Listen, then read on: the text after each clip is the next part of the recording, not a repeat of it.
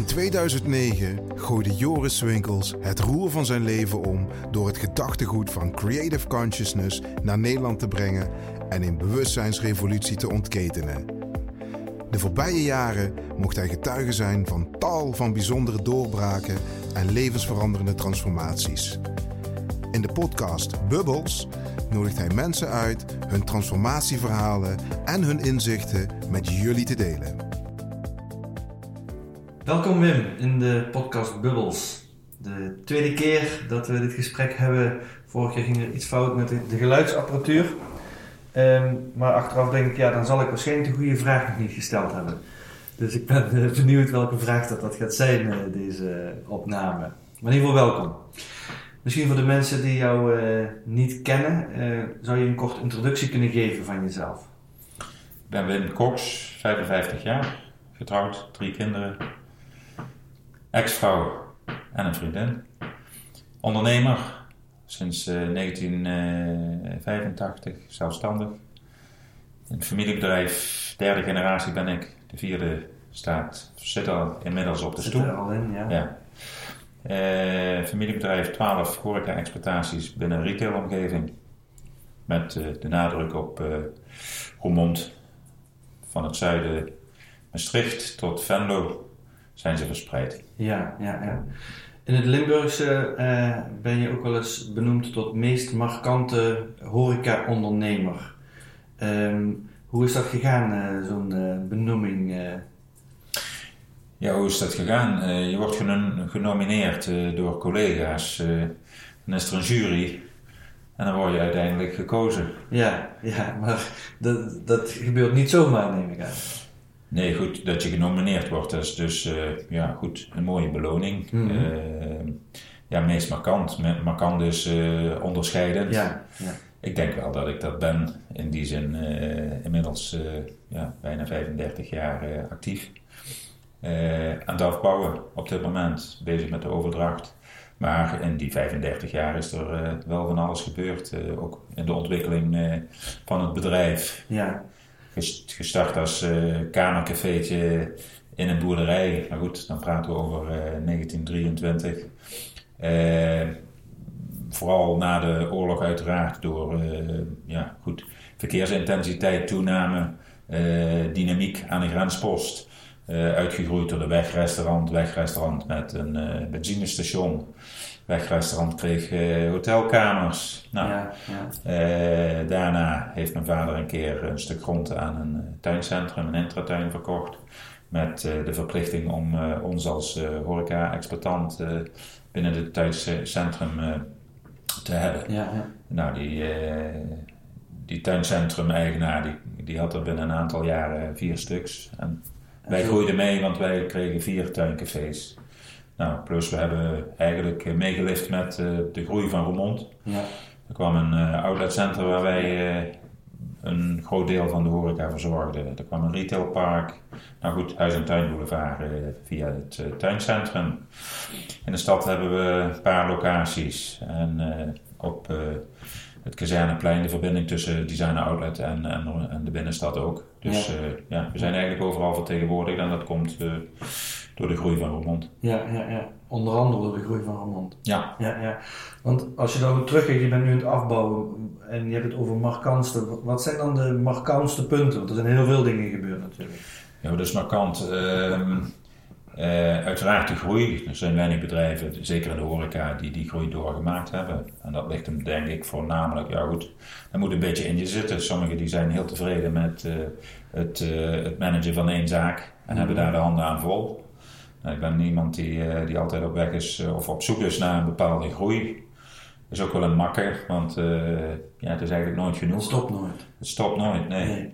nee. bepaalde druk nodig. ja, markant. Ehm, we hebben ook altijd een beetje diversiteit in de zaken gehad. Mm -hmm. ja, enerzijds dat benzinestation, dat is nu wel een beetje naar de achtergrond of op de achtergrond geraakt vanwege de accijnsproblematiek. In Nederland is alles veel duurder. En uh, goed, uh, tot, tot een jaar of 10, 15 geleden was het hier goedkoper en was het een goed renderende zaak. En nu is het een beetje nou, sluimerend. Is dat ook waarom je elektrisch bent gaan rijden? Eh, nee, dat is heel simpel. Dat heeft maar één reden, dat is de fiscale reden, dat is de bijtelling. Oké.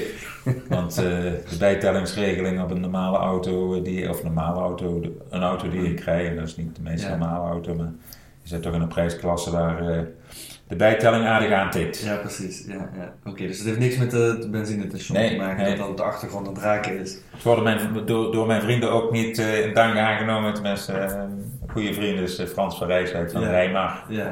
Oliegroothandel. Die maar ziet, eh, die ziet dat bij dalen. moedig tegen moet. Van de andere kant hoop ik dat we...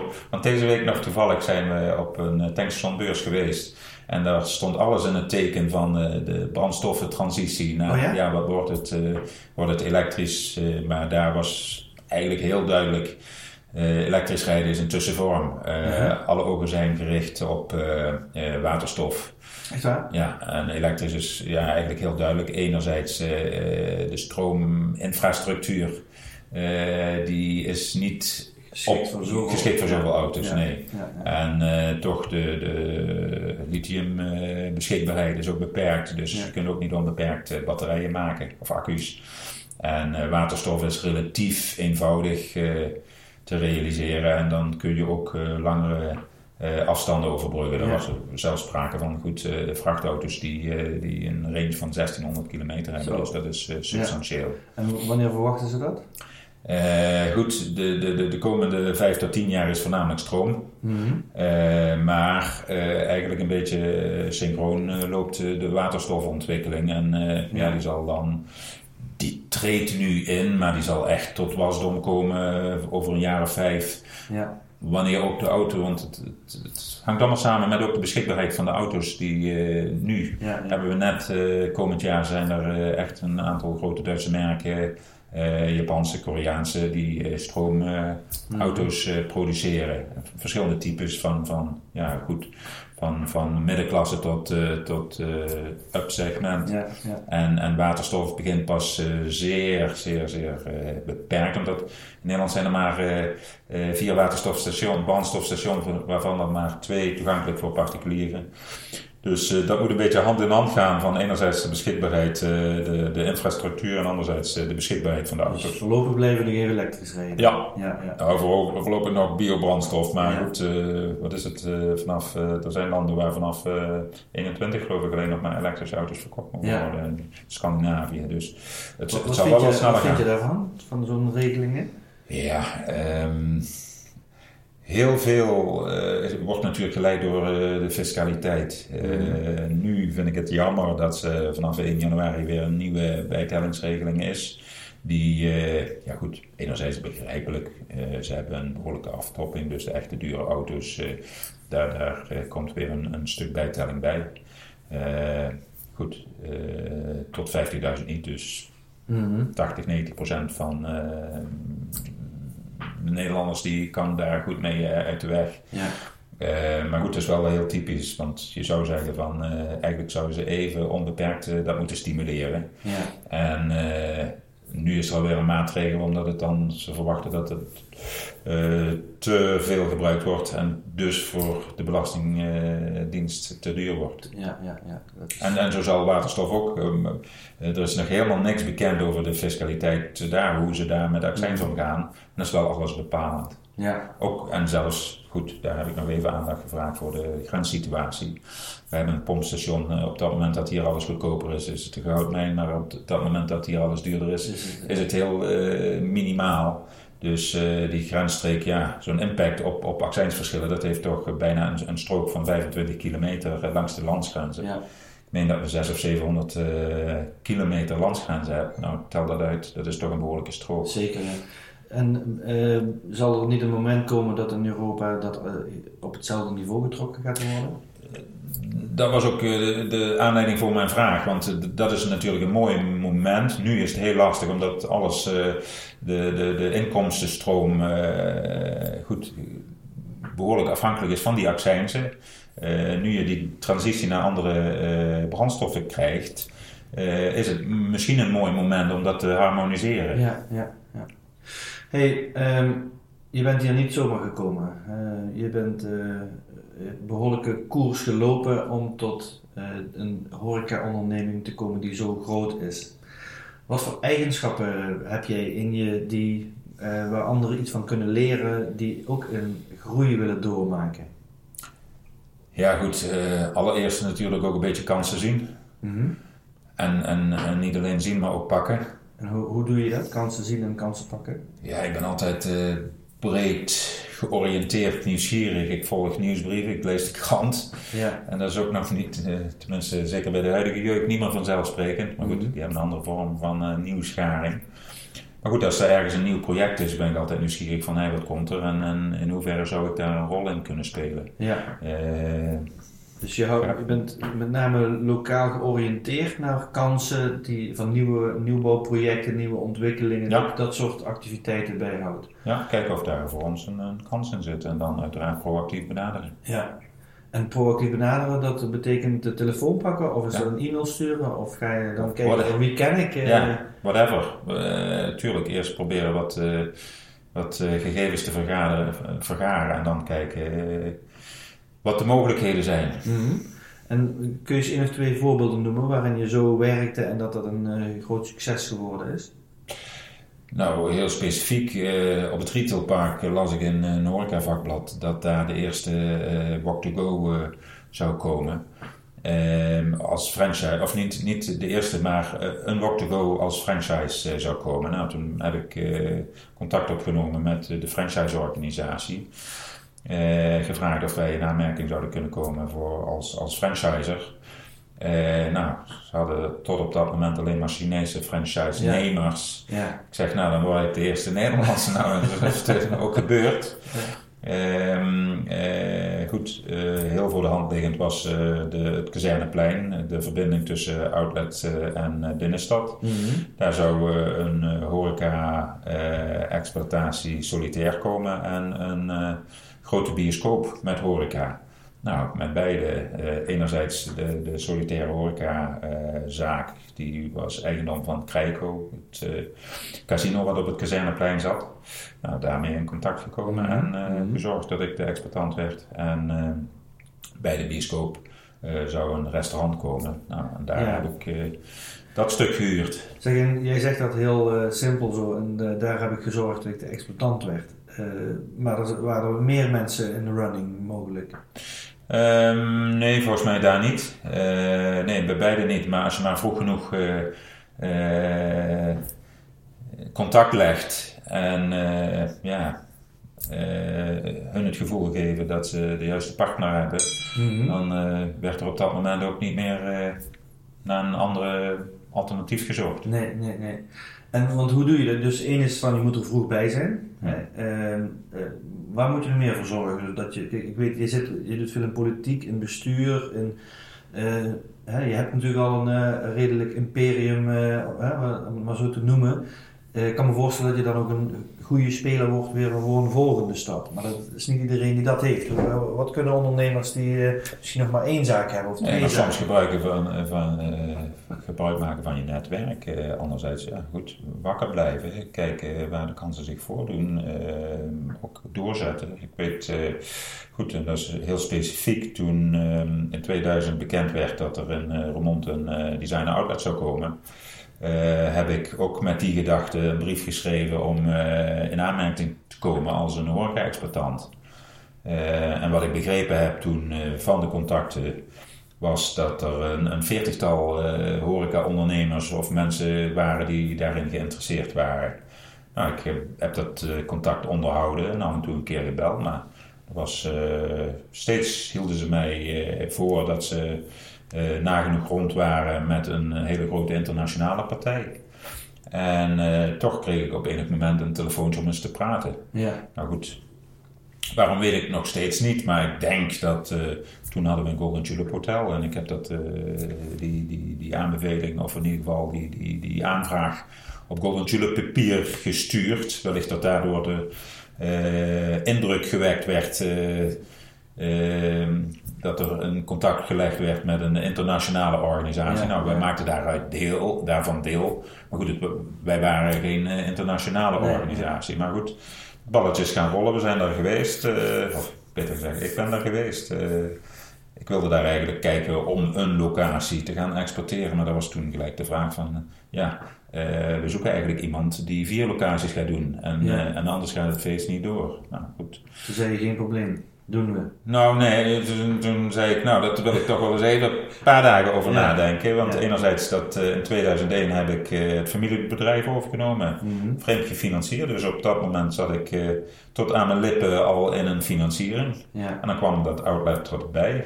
Ik heb eigenlijk twee dingen gedaan. Enerzijds eh Henneke Bedrijfsadvies gebeld. Want het, het fenomeen designer outlet was hier niet bekend. En Ja. Heineken is toch een internationale organisatie die overal weet wat er gebeurt. Nou, daar daar, werkte je al mee met Heineken. met Heineken werkte. Mhm. Ehm, en eh, die zeiden van ja, het is inderdaad eh, een, een fenomeen wat vooral toen al in Engeland opging en eh, behoorlijk wat mensen trok. Eh, en toen heb ik een eh, relatie van mij, eh, Theo van Brussel, directeur van Foodstep, een bureau wat ja, eigenlijk bijna internationaal werkt op, op foodconcepten en op, op ja, food überhaupt. En Theo heeft eigenlijk met zijn kantoor binnen tien dagen een soort wetboek gemaakt van vier concepten die hij daarvoor overzag. En nou goed, Heineken zei ook dat daar potentie in zat. Nou, dus toen zijn we gaan onderhandelen. Ja. En uiteindelijk is het tot een vergelijk gekomen. Ja, ja, ja. Toen was nog een, een hele grote essentiële eh, financiering. Want ik was Mhm. al eh, behoorlijk gefinancierd. Mhm. En eh, onze huisbankier Rabo, eh, die Roermond wilde wel mee, maar Eindhoven stak daar een stokje voor. Dus toen zat ik zonder centen. Toen had ik het geluk dat de SNS-bank in Roermond zich buiten het particuliere eh, sec- buiten de ca- categorie, eh, of de particuliere eh, afdeling, ook een eh, zakelijke afdeling in de markt wilde zetten. En daar hebben we met wat eh, duw- en trekwerk, eh, met wat staatsgaranties, hebben we die financiering eh, voor elkaar gekregen. En uiteindelijk, na een eh, zeer eh, zwakke beginperiode, eh, ja, hebben we toch eh, daar eh, een hele goede zaak gehad. heel mooi van gemaakt. Ja, ja, ja. Hey, als ik dat zo hoor, eh, hoe belangrijk is dat Roermondse netwerk en het netwerk met die mensen? die Je praat nu over een aantal mensen die eigenlijk onderdeel zijn van iets succesvols dan neerleggen. Je bent niet meer bezig met zelf een PowerPoint-presentatie in elkaar zetten om een presentatie daar te gaan doen. eh, eh, of, Nee, ja goed, inmiddels ben je gegroeid tot een bepaalde schaal en dan natuurlijk heb je medewerkers, heb je ja. HR, heb je marketing, goed. En uiteraard dan eh, doe je als team eh, zo'n Ja. eh, poging. Nu even terug naar, naar, van één bedrijf naar twee bedrijven. Ik kan me voorstellen dat van, van 12 naar 15 een veel kleinere stap is dan van 1 naar 2 of van 2 naar 3 Mhm. of van 0 naar 1. Ja, ik denk de meeste ondernemers die ik ken met horeca, die hebben inderdaad één en, die, en dan in de loop van tijd krijgen ze ooit eens een tweede of misschien een derde. Ehm, maar die, zijn dus, die hebben het 80 uur in de week ontzettend druk met het alleen maar zorgen voor die één of twee horecagelegenheden. Hoe, eh, hoe heb jij dat eh, aangepakt dat, dat het bij jou lukt om dat anders te doen? ja goed, eh, als je groter groeit eh, dan... En, en, goed, ik ben ook niet iemand van de details, maar dan moet je vooral eh, je beleidsmatig eh, bezighouden en eh, moet je delegeren. Want je kunt niet alles zelf. En ja goed, dat is mij blijkbaar redelijk goed afgegaan. De, gewoon delegeren, Delegeren, ja. En ook, eh, vertrouwen. Ja, en, en, en ook eh, weten waar je beperkingen zijn. Tenminste, ik denk dat ik dat altijd eh, redelijk goed voor ogen wat, zijn er, wat zijn er beperkingen? Nou, de kennis. Ik, ik ben heel breed, maar ondiep. En op dat moment dat er eh, eh, een specifieke vraag is waar ik geen antwoord op heb, ben ik nooit te bang om ergens eh, om hulp of om eh, antwoorden te vragen. Ja, ja. Ja. Dat is jouw beperking. Ja, Ja. ja nee, maar goed, eh, een beperking in die zin van Ja. eh, dat je ook eh, daarvan, eh, ja goed, het is een beperking. Je kunt niet alles weten, maar eh, al- als je dat maar van jezelf weet en niet eigenwijs bent en, en dan maar zelf steeds de antwoorden denkt te hebben. Ja, Ik eh, ben zeker, eh, als het ergens om gaat en het gaat al vlug ergens om, eh, dan zorg ik altijd dat eh, specialisten en goede adviseurs bij me hebben. Want uiteindelijk is dat eh, even duur, maar eh, kan het ook weer eh, veel schade voorkomen. ja, ja, ja, ja, precies, precies. hey, nog een andere vraag. Ik ken jou eh, al best een tijdje en eigenlijk heb ik jou pas beter leren kennen in een ik noem het een retraiteclubje. Een clubje vanuit de Limburgse Werkgeversvereniging, waar wij ooit samen ingeschreven hebben op een retraite in een klooster. een paar dagen geloof ik was dat. praten met monniken en praten met ondernemers. En, stilte uh, momenten. Beetje reflectie. ja. ja. Hoe, wat, uh, wat dreef jou om uh, daar aan deel te nemen? Ja, eigenlijk het, het onbekende. Dan, ja. dan komt zoiets op enig moment binnen. En, en 9 van de 10 keer doe je dan delete. Ja. En dan een keer dan denk je van nou waarom niet? En ja. dan, dan probeer ik het ook. Ja. En ik moet zeggen, ja, dat is me zeer goed bevallen. Uh, goed, ja. dat weet je zelf ook. Uh, het is een hele leuke, zeer diverse groep waar we hele mooie, diepgaande gesprekken gevoerd hebben. Ja. En dat blijft dan in die groep. En, en ja, ik kijk er altijd naar uit.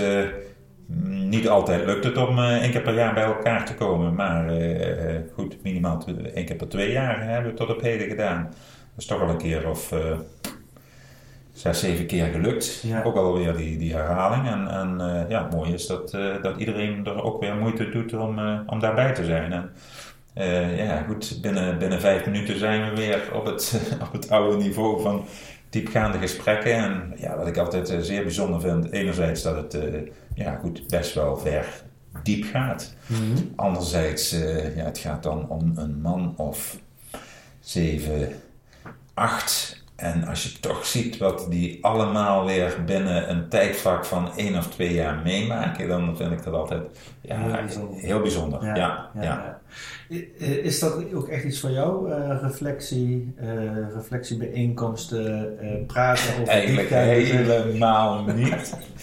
ik wist dat je dat, dat ik, ik denk, ik vind in ieder geval van mezelf dat ik heel erg nuchter ben. En, en goed, dat hoeft dan niet per, per definitie. Mm. Dat, uh, hoe heet het, uh, tegenstaan of wat dan ook. Goed, maar ik ben altijd nieuwsgierig en ik sta open voor dingen. maar die nuchterheid, die, die houdt me ook wel eens tegen. Ja, ja, ja, ja. Geloof je wel dat er iets meer is dan hetgene wat wij kunnen waarnemen?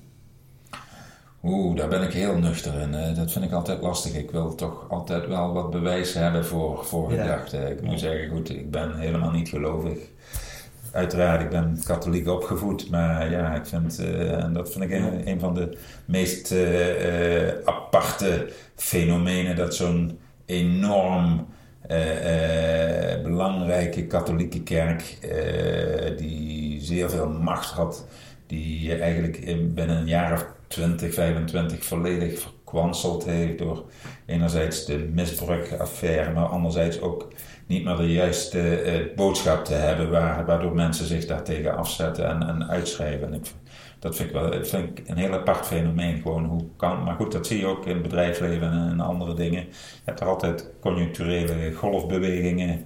Dat het uh, heel sterk wordt en dan toch weer afzwakt. Maar daar vind ik dat altijd een, een, ja. een nog specifieker. En, en, dan, dan is het heel specifiek ook nog ja, apart dat Natuurlijk, uh, in de meest ontwikkelde landen, daar, daar neemt het heel erg af. Je hebt natuurlijk ook nog onderontwikkelde landen en daar staat het nog op een heel hoog niveau. Dus uh, ja, goed. En, en zelfs in de westerse wereld heb je nog ja, goed, landen, Polen, Italië, waar de kerk Ja, toch nog een grote ja, rol speelt. ja. Dus Maar je je bent katholiek opgevoed, en maar je zegt ik, ben, ik moet heel veel bewijsmateriaal hebben. Zeg je daarmee van ik ben eigenlijk op dit moment meer atheïst? ja, absoluut. Ja, ja. Uh, We, we hebben onze kinderen niet meer laten dopen. Nee, En dat, nee. ja, ik, ik, dat spreekt mij totaal niet aan. Ja. Nee. Ik heb, twee weken geleden heb ik mij eh, zelf eh, besloten dat ik niet atheïst ben, maar dat ik oltheïst ben. Dat ik vanaf nu in alle geloven geloof. Oké.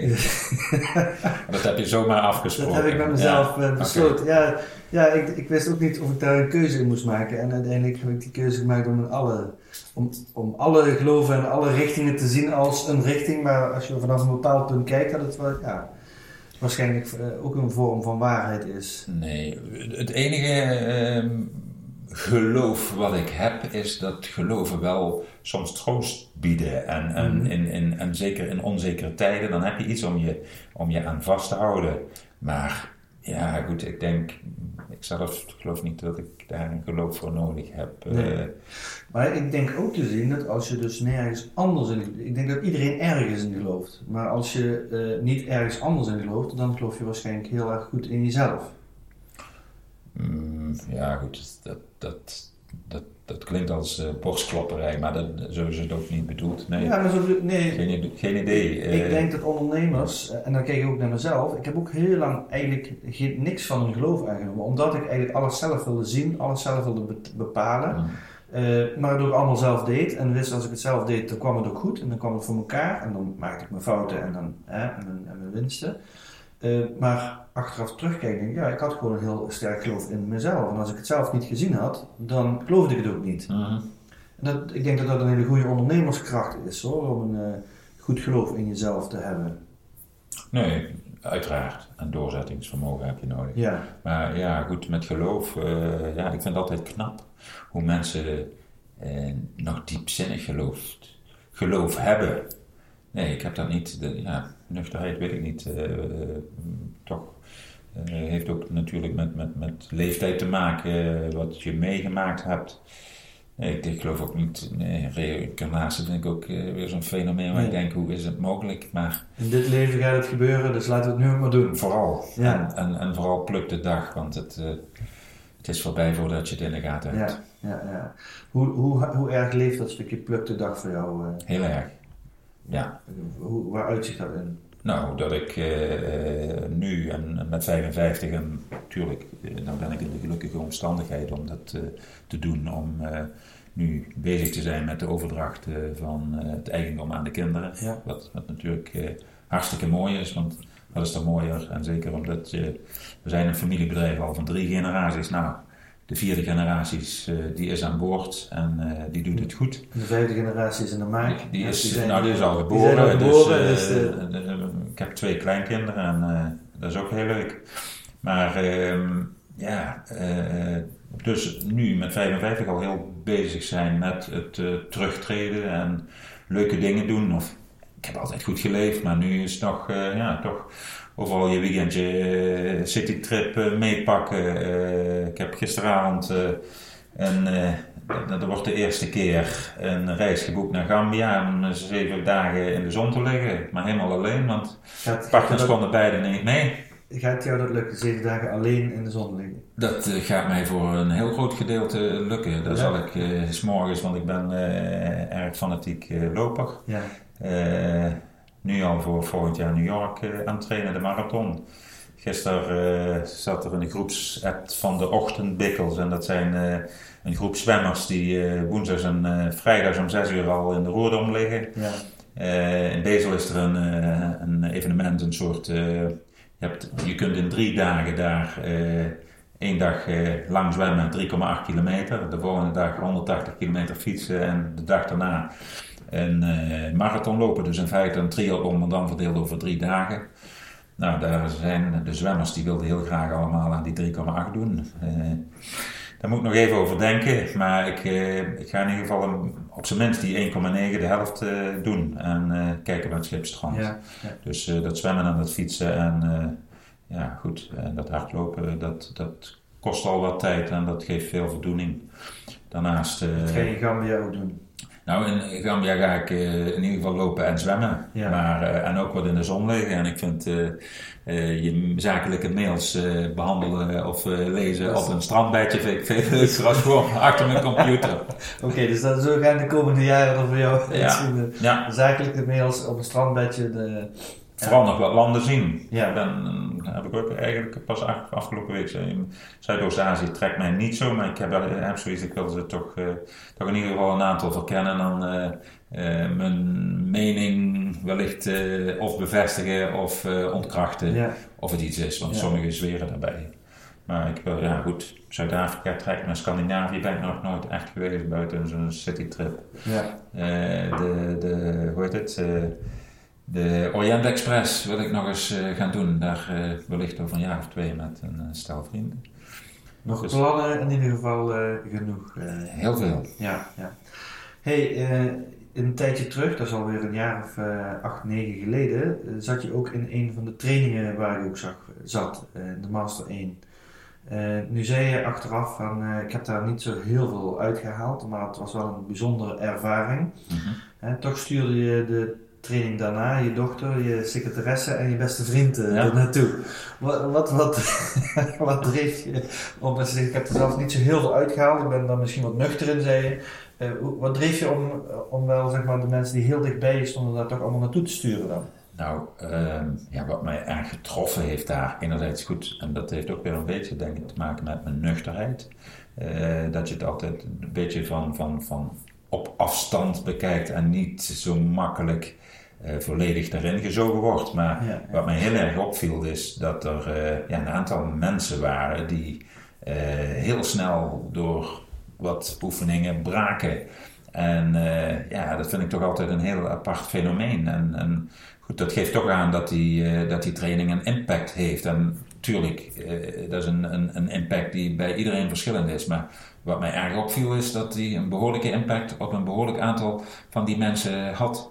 En ja, goed, daar had ik zoiets van. Nou, enerzijds ook wel uh, dat, het gevoel dat wanneer je dat precies hanteert wat daar eigenlijk uh, gepretendeerd wordt van vooral kijken naar jezelf, uh, wat je doel is en, en, dat doel ook goed vasthouden. Mm -hmm. Ja, oké. Okay. en ik kan me voorstellen dat sommigen wat meer instrumenten nodig hebben daarvoor om dat doel te bereiken. Maar ja, doorzettingsvermogen heb ik al een behoorlijk ja. gedeelte. Dat als je ik heb inmiddels 20 marathons en dat laatste uur, dat, dat werkt toch altijd wat doorzettingsvermogen. Ja, ja. Ik heb uh, gelukkig nog nooit uh, één marathon hoeven op te geven. Dus uh, ja, ze zeggen altijd, als je iets echt wilt, dan kom je er wel. En voor sommigen ja, is dat toch een, een beetje een loze kreet. En ja, dan willen ze niet. Hè? Maar ik weet nog, en, en, dat was ook zoiets, ik, ik wil ooit nog eens een, een halve triathlon doen. En dan moet je heel goed uh, kunnen zwemmen, want dan moet je 1,8 kilometer of 1,9 uh, zwemmen. En ik heb daar drie jaar over gedaan. Ik dacht, ik was bijna. Had ik het bijltje erbij neergegooid en ze zeggen allemaal: ja, het komt, het komt. Nou, na drie jaar eindelijk en, en het eerste jaar na, na 25 meter buiten adem aantikken, het tweede jaar na 50 meter buiten adem. En eigenlijk in de laatste maand voor mijn deelname in de City Swim, waar ik uh, uiteindelijk eigenlijk 500 meter had ingeschreven. Ik denk dat moet links of rechtsom kunnen. Toch uh, overgehaald naar die 2000 meter. En uh, ja, die laatste maand klikte het eindelijk en is blijkbaar toch de conditie zo goed geweest ja? dat het ja. gelukt is zonder vreemde dingen. Ja, dus het stukje doelgedrevenheid, daar heeft het nooit aan ontbroken. Heeft het sporten voor jou als ondernemer daar ook een belangrijke rol in gehad? Ja, ik heb altijd, uh, en eigenlijk pas op een hele late leeftijd. Ik heb, uh, ik vergeet het nooit, uh, 18 of 19 ben ik pas een keer gaan voetballen. En ik heb vijf jaar op internaat gezeten op de middelbare school. En daarna kwam ik weer naar Roermond. Nou, toen denk ik van ja, misschien is een voetbalclub leuk om weer eens een beetje sociale contacten op te doen. Nou goed, Koksuidazerij, dat bleek een heel goed imago op voetbalgebied. Ik werd gelijk in de selectie gezet en ik had nog nooit maar daar waren ze dan heel snel weer achter. Maar eh, toen wel wat gesport en eh, ik, ik heb wat tafeltennis, omdat je dat op internaat ook veel eh, doet in je vrije tijd. Maar daarna niet echt. En eh, ja, op mijn eh 38ste eh, had ik met een vriend eigenlijk het idee van hey, we moeten voor ons 40ste een marathon lopen. Maar ik rookte toen nog en dat was een goed middel om daarvan Te te stoppen. stoppen. Want Ja. dat is ook een hele lastige, maar uiteindelijk gelukkig gelukt. En die, die marathon is eh, op, twee na, op twee maanden na is ook gelukt. En als je daar eenmaal in zit, eh, eh, ja, heeft de ervaring geleerd dat je dan daar weer heel moeilijk afkomt. Ik loop heel graag. Ja, ja. Veel mensen hebben een positief beeld van jou. Hè? Je staat vaak in de media. je hebt ja, veel dingen bereikt, ook in het Roermondse. Is dat een reëel beeld? Eh, dat is een goede dat je dat aanzegt. Ik vind altijd, ja, op de een of andere manier heb ik een beter imago dan, vind, dan dat ik zelf vind dat dat is. Ja. Ja. Beter zo als andersom, zou ik zeggen. Ja, En eh, laat ze dat ook maar goed geloven. En goed, eh, ik moet eerlijk zeggen, er wordt veel geluld. En daar heb ik gelukkig weinig last van, want dat trek ik me niet zo aan. En niet zoveel van aan. Ik, ik vind het altijd prettig als ik mijn mening kan geven en dat kan ik omdat ik redelijk onafhankelijk ben. Dus dat vind ik ook heel prettig. Ja, ja. Maar ja, goed, laat ze dat vooral. Nou goed, helemaal onterecht is dat ook niet. Als ik ook echt reëel ben en eens kijk wat ik allemaal doe. En ook voor de gemeenschap in de binnenstad, noem maar op. ja, dat doe ik graag. Verdien je je sporen ook behoorlijk? Ja, nou Ja. goed, eh, ik doe het graag. Ja, en, en dan, dan gaat dat gemakkelijk. Als je zo terugkijkt naar deze, al deze jaren ondernemerschap, wat vind je nou het meest lastige moment eh, daaruit? Eh, met medewerkers omgaan, dat is niet mijn beste kant. Mhm. Eh, dat vind ik erg, prettig dat we dat ten eerste mijn dochter dat veel beter afgaat. Maar goed, daar zit ook alweer een generatiekloof in. En dat ja, is prettig om, dat zij dat overneemt en een HR-manager hebt die dat ook heel goed kan. Ehm, het lastige, goed, ook altijd toch van tevoren een project eh, inschatten. Eh, te vaak. En dan is het eh, in mijn geval eigenlijk ook wel een beetje te wijten aan de luxe waarin je leeft. Dat je te snel een beslissing neemt Mhm. en achteraf blijkt die heel veel geld te kosten. ja. Dus op dat Dat moment. dat- echt even pijn of is dat gewoon, oké, jammer, slechte beslissing, volgende? Nee, dat, dat is dat laatste jammer. Want Ja. pijn, ja, tuurlijk. Ik vergelijk het altijd met eh, een deuk in de auto rijden. Dan zeg- vloek ik één keer, maar twee keer heeft geen zin, want die, daar gaat die, die deuk er niet uit. En zo is het ook met is, het ook, zakelijke is het ook beslissingen. mogelijk om een deuk in jou te krijgen? Of is dat... eh, Ja, nee, tuurlijk is dat, is dat mogelijk. Als je, ik, eh, niet, dat vind ik altijd heel belangrijk. Eerlijk. maar... Nee, nee, maar eerlijkheid. goed vertrouwen dat beschaamd wordt. Dat Ja. vind ik heel erg. ja. En heel jammer. Ja. Maar ja, goed.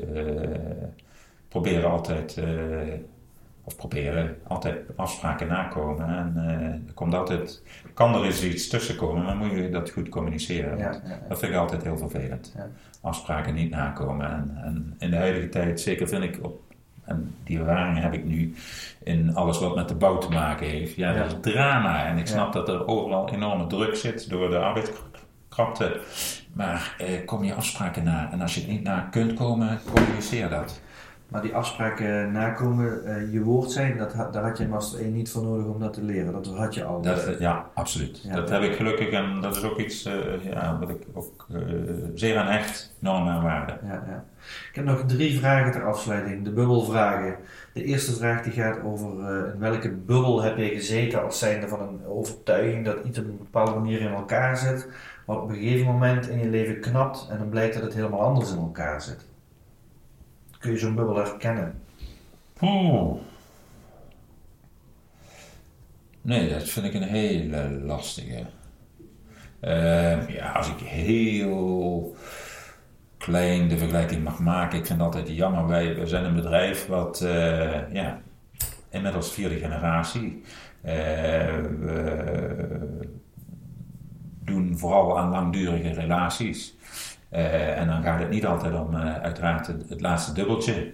Eh, dan gaat het vooral om continuïteit, afspraken nakomen en, en goed relatiebeheer.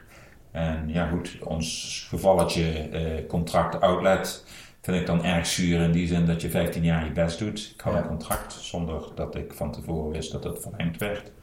Maar goed, je gaat daar toch in met het idee van eh, je hebt 15 jaar je best gedaan en mee eh, opgebouwd.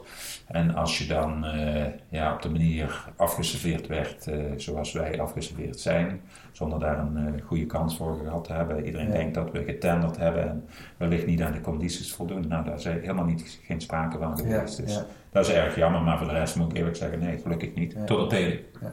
De tweede vraag heb je denk ik al wel beantwoord. Die gaat over de interne bubbels, de bubbly energy. Van wat houdt jou in een hoge energie? Nou, Nou, die hoge energie houdt vooral de druk op mezelf leggen van eh, zorgen dat mijn eh, bordje altijd goed gevuld is. ja, Want eh, ik merk bij mezelf als, het, als ik te weinig om handen heb, en, en eigenlijk heb ik nooit te weinig om handen, want ik heb altijd een aantal honderden mails die ik nog wel eigenlijk moet beantwoorden.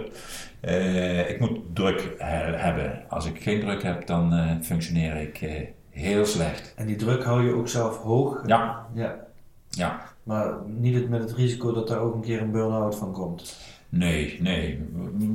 Zeg nooit, nooit want goed, ik, het, komt voor en het komt uh, om mij voor en dan denk ik van ja, hoe komt dat?